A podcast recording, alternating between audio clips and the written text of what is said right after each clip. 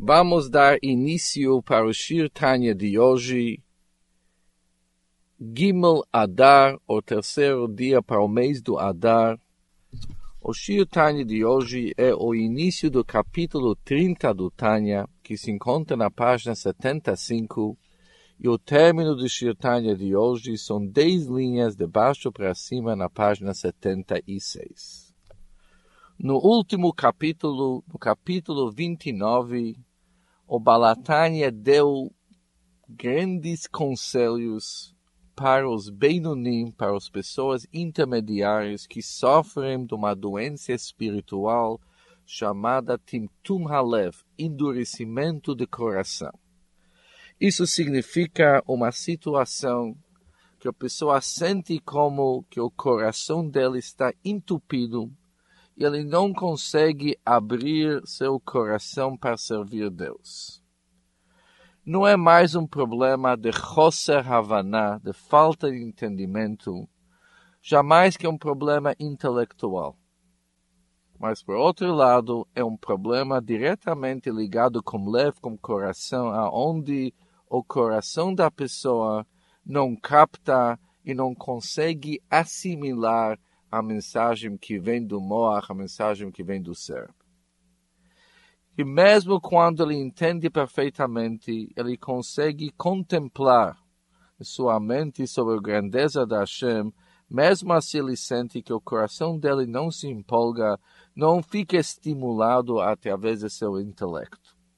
E o grande conselho que nós aprendemos no capítulo 29 que nesses casos tem que quebrar o orgulho da pessoa, tem que demonstrar para a pessoa, aliás, a pessoa tem que mostrar para si mesmo que ele não é tudo isso que ele está imaginando, ele vale muito menos. O valor dele não é tão grande, ele não é uma pessoa tão perfeita que longe da crítica, ele tem muito para melhorar. E quando ele abaixa o próprio orgulho, e levando em consideração que a essência do Benuni ainda está ligado com o Yetzirah, com a mal inclinação e a alma animal, quebrando o próprio orgulho, também significa quebrando o orgulho da clipa. E através de quebrar o orgulho da clipa, a pessoa consegue se humilhar de tal forma que o intelecto consegue de novo inspirar e estimular o coração, que é o sentimento da pessoa. Porém, tudo que nós estudamos no capítulo anterior significa que a contemplação e a meditação que a pessoa aproveita para quebrar o espírito da clipa significa que a pessoa chega numa conclusão que ele não é tanto tzadik que ele imaginou, que ele não é tão perfeito conforme aquele que ele estava pensando sempre. Mas isso às vezes não é suficiente uma pessoa pode chegar à conclusão que apesar que ele é um ser baixo, é um ser inferior, mas ele ainda ele acredita e continua pensando que ele é melhor do que seu amigo. Aonde que ele pensa, de fato eu não sou grande coisa, mas aqueles que estão na minha volta são pior ainda. Por isso, por mais que o Benuni dedica tempo para chegar numa conclusão que ele é longe distante do Deus, mas mesmo assim ele ainda acha que ele é mais próximo do que os outros. Que os outros, com certeza, fazem pecados piores do que ele. E por isso, por mais que ele consiga quebrar seu próprio coração, ainda é insuficiente para o clipar para o lado oposto da Gdusha, receber um certo knockout onde ele de fato se sente totalmente quebrado. Entre os Hassidim tem o dito que existem dois tipos de pessoas exibidas há aqueles que falam para uma outra pessoa, ou pensam sobre uma outra pessoa. Você, de fato, é grande, você merece muito respeito. Mas com tudo teu grandeza, eu acho que eu ainda sou maior do que você. Sem dúvida nenhuma, uma pessoa muito exibida.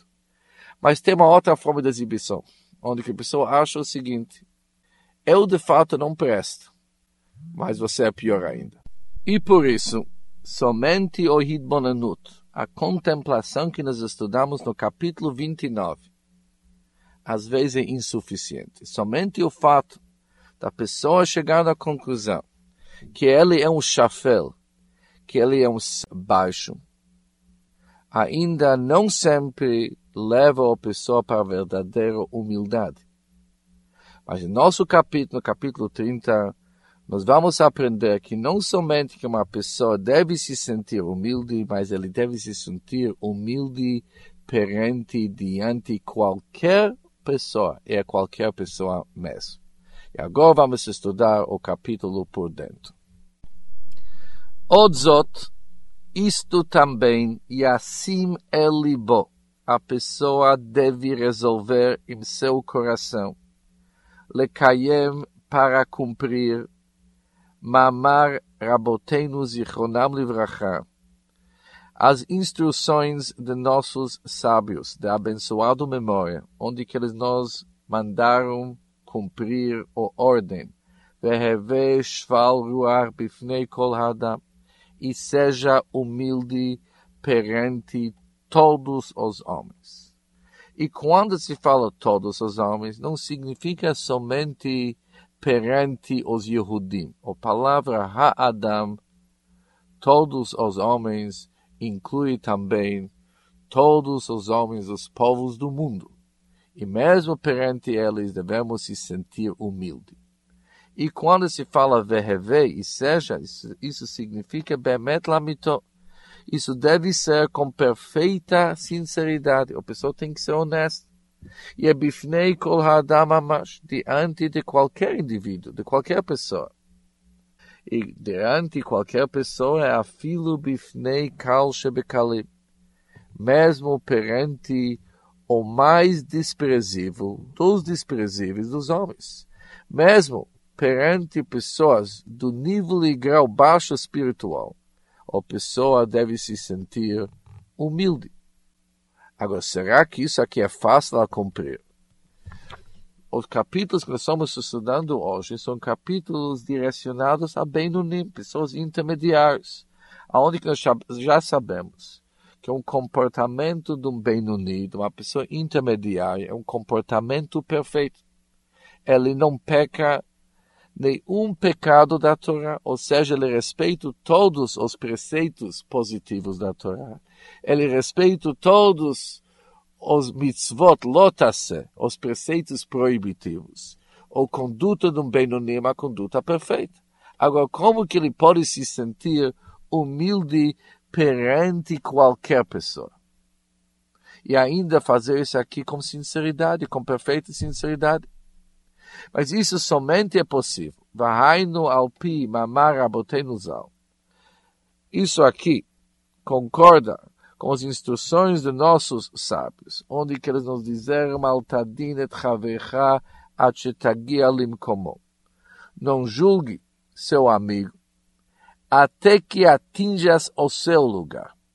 O que, que significa lugar? Lugar pode ser tanto lugar físico, aonde que ele se encontra, também lugar pode ser seu nível e grau espiritual.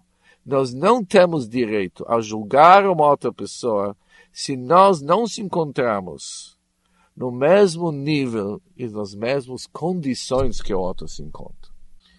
E o motivo que uma pessoa não deve julgar seu amigo até que ele atinja o lugar dele, até que ele se encontre no próprio lugar do seu amigo. Porque isso pode se tornar prejudicial para a pessoa que está tão disposta a julgar os outros. Em primeiro lugar, isso pode despertar sentimentos de raiva e ódio contra uma outra pessoa quando a outra não merece receber o resultado desses sentimentos. Nós devemos amar qualquer Yehudi. Além do fato que nós sabemos que daquela forma que nós julgamos uma outra pessoa da mesma maneira, nós também vamos ser julgados. Por isso, jamais que nós devemos julgar uma outra pessoa até que atinjas o seu lugar. O que, que significa o lugar? Que me como gorem lolachto. Pois o seu lugar é a causa que ela está pecando. O que, que significa lugar? Liot parnasato, sendo que o parnasá, o sustento dele, o ganha-pão dele, Eleilech Beshuk. Seu meio da vida requer que ele fica nas ruas. Yot Miyoshvei e ele daqueles que sentem-se nas esquinas. Veinavroot, onde seus olhos enxergam kol hatavot, todas as tentações e os desejos. Ve'ayin e quando o olho enxerga, halev chomed, o coração deseja. Ve'itzro boer, e sua mal natureza. Sua mal inclinação é acesa. Que tanur boerome ofe, como o forno quente dos padeiros. Katuba Rocheia, como está escrito no Rocheia, Huboer que esh lehava, ele queimava como fogo em labareda. Por isso, sendo que teu amigo, as condições de seu parnassá são condições muito difíceis. Ele de fato se encontra num ambiente que convida pecado. E justo pelo seu parnassá ele não tem muito escolha. Por isso, as tentações e as provas da vida que ele está passando infelizmente facilitam ele para pecar. Mas Sheenkin é totalmente diferente. Misha Holer Beshuk Me'at. Aquele que vai pouco às ruas. Verov Hayom Yoshev Beveito. Ele permanece em sua casa a maior parte do dia. Vegam Im Holer Kol Hayom Beshuk mesmo, se ele passa todo o dia nas ruas. Mas pode ser Yachol Yot, Sheino Mechumam Kolkach que ele tem uma natureza betivó, pela sua própria natureza, ele não seja tão ardente que en hayetzer shaveh bechol nefesh, sendo que a mal inclinação não é igual para todas as pessoas. Yesh yitzro, aquele cuja natureza é uma natureza ardente, quente, onde que é mais fácil induzir e levar ele pelo lado do pecado, e tem pessoas que são mais controlados, mais frios pela própria natureza. Por isso, cada pessoa é diferente. As condições de cada um são diferentes e mesmo as condições iguais, as pessoas têm naturezas diferentes. De tal forma que ele continua dizendo, Vihine be'emet, gam mi shemeuchumam me'od betivo, mesmo uma pessoa cuja natureza é extremamente ardente. O parnassato e sua parnassá. Seu ganha-pão é liot miyoshvei. Obriga ele a sentar nas esquinas, a ficar nas esquinas. Mesmo assim, em Loshum Hitznatzlut, jamais que ele tem qualquer desculpa al chataav para seus pecados. O mikre rashagamur ele é denominado um perfeito rachá, uma pessoa perversa. E o motivo é em pacha de Lukim leneged para não ter o temor da Hashem perante seus olhos. Porque se ele tivesse com temor da Hashem perante seus olhos, ele não ia pecar, mesmo quando ele se encontra naquele que nós vimos no nosso capítulo nas esquinas, em um ambiente totalmente ruim ou seja, um ambiente jamais que ele pode servir como uma desculpa para o motivo para pecar. Em qualquer ambiente, se uma pessoa tem pacha de Hashem, tem temor a Hashem, ele não vai pecar. Que hayalo lehitapek. Ele deveria controlar-se. Velimshol e governar sob ruach tavato. E governar o impulso de seu desejo Shebeliboki se encontra em seu coração. Mipnei pachad Hashem, ao temor da Hashem, Haroet sav que observa todas suas ações, como como já explicamos antes, que é Amor Shalit alalebe Toldato, sendo que a mente, por natureza, pode e deve governar o coração da pessoa. Por isso, se ele ia refletir sob o pacha da Hashem, sob o temor da Hashem, que está observando todas as suas ações, independente nas situações e nas condições onde ele se encontra, ele deveria controlar, ele deveria de fato dominar seus desejos. Por isso, desculpa jamais que é. Mas perante uma outra pessoa, é suficiente aquele que nós estudamos para não ser tão rápido a julgar uma outra pessoa. O fato da outra precisar prestar contas com Hashem não significa que cabe a qualquer um de nós julgar e decidir o que, que deve ser feito com outra pessoa que está pecando. Nós não sabemos e jamais que podemos saber o que, que a outra está passando. Vehine bemet.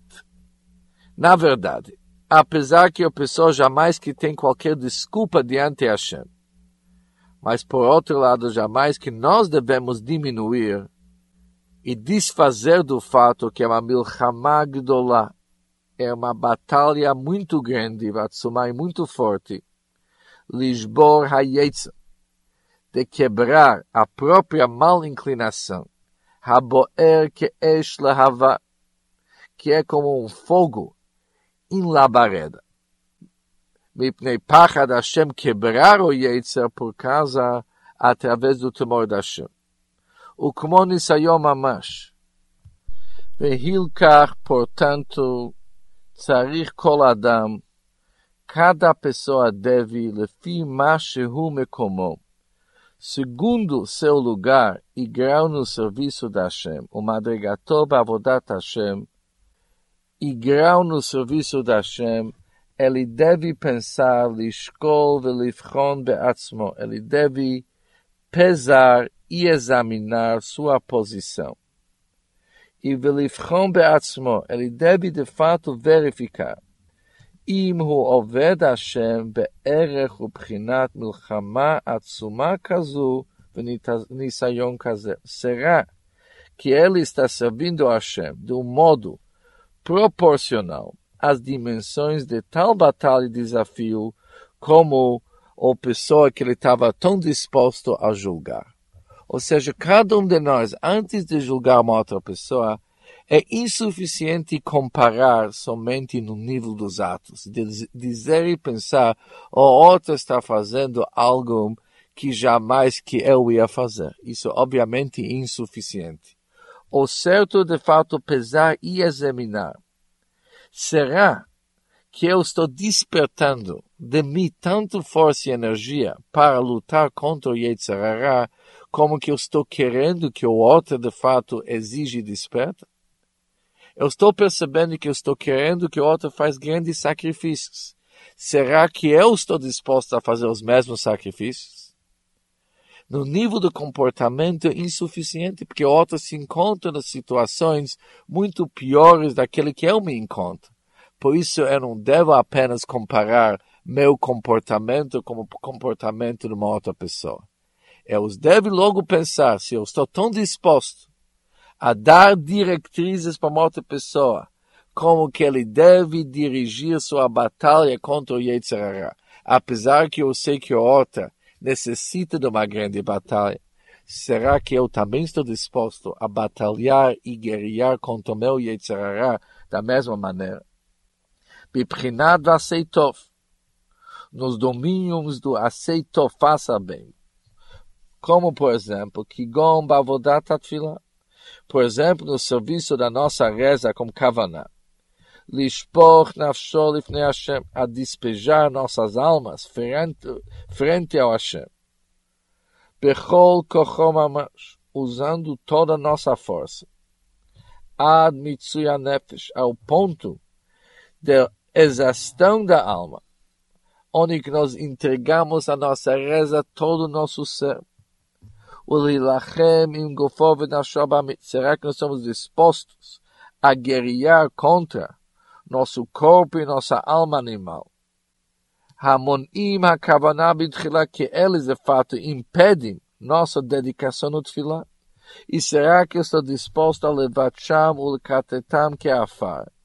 Será que eu estou disposto a triturá-los como pó cada dia antes da tefilá, de yom ויום וגם בשעת התפילה também, durante a tefilá, ליגע עצמו, para de fato se esforçar, bigat nefesh, bigat basar, um esforço que envolve o espírito, como também um esforço na nossa carne, escatuva de Kamam Barichut, como está escrito em outros depois, em detalhes. Ou seja, Quando uma pessoa começa a pensar que diante de qualquer pessoa ele é capaz de ser humilde, porque ele leva em consideração que daquele que ele se achou o máximo, ele não deve pensar assim, porque na realidade ou outra, como conquistas menores, talvez em termos do esforço já está superando aquele que ele está disposto a fazer. Ou outra para as pequenas conquistas que ele está ganhando, está acima dele no nível do esforço e desempenho. Por isso, jamais que ele tá, tem, tem que ser tão fácil para julgar uma outra pessoa. Pensando desta maneira, não somente que uma pessoa pode se tornar um shval ruach, uma pessoa humilde, sabendo que ele não é tudo isso que ele está imaginando, ele pode ganhar o sentimento de humildade perante qualquer pessoa. Porque logo ele deve julgar cada pessoa de Kavschut pelo lado do mérito, pensando outra pessoa, olha quando ele precisava se esforçar para ser aquele que ele já é. E com o sentimento de humildade que ele ganhou, se comparando com as outras pessoas, com isso ele consegue abaixar todo o orgulho que ele tem, que não somente que ele não é uma grande coisa que ele achou, ele também é menos das outras pessoas que estão em sua volta. E ele se acostumando a pensar dessa forma, isso se torna um grande remédio contra Timtum Halev, endurecimento do coração. Que abaixando o orgulho, logo a mente da pessoa consegue iluminar seu coração. E com isso terminamos o Shirtanya de hoje.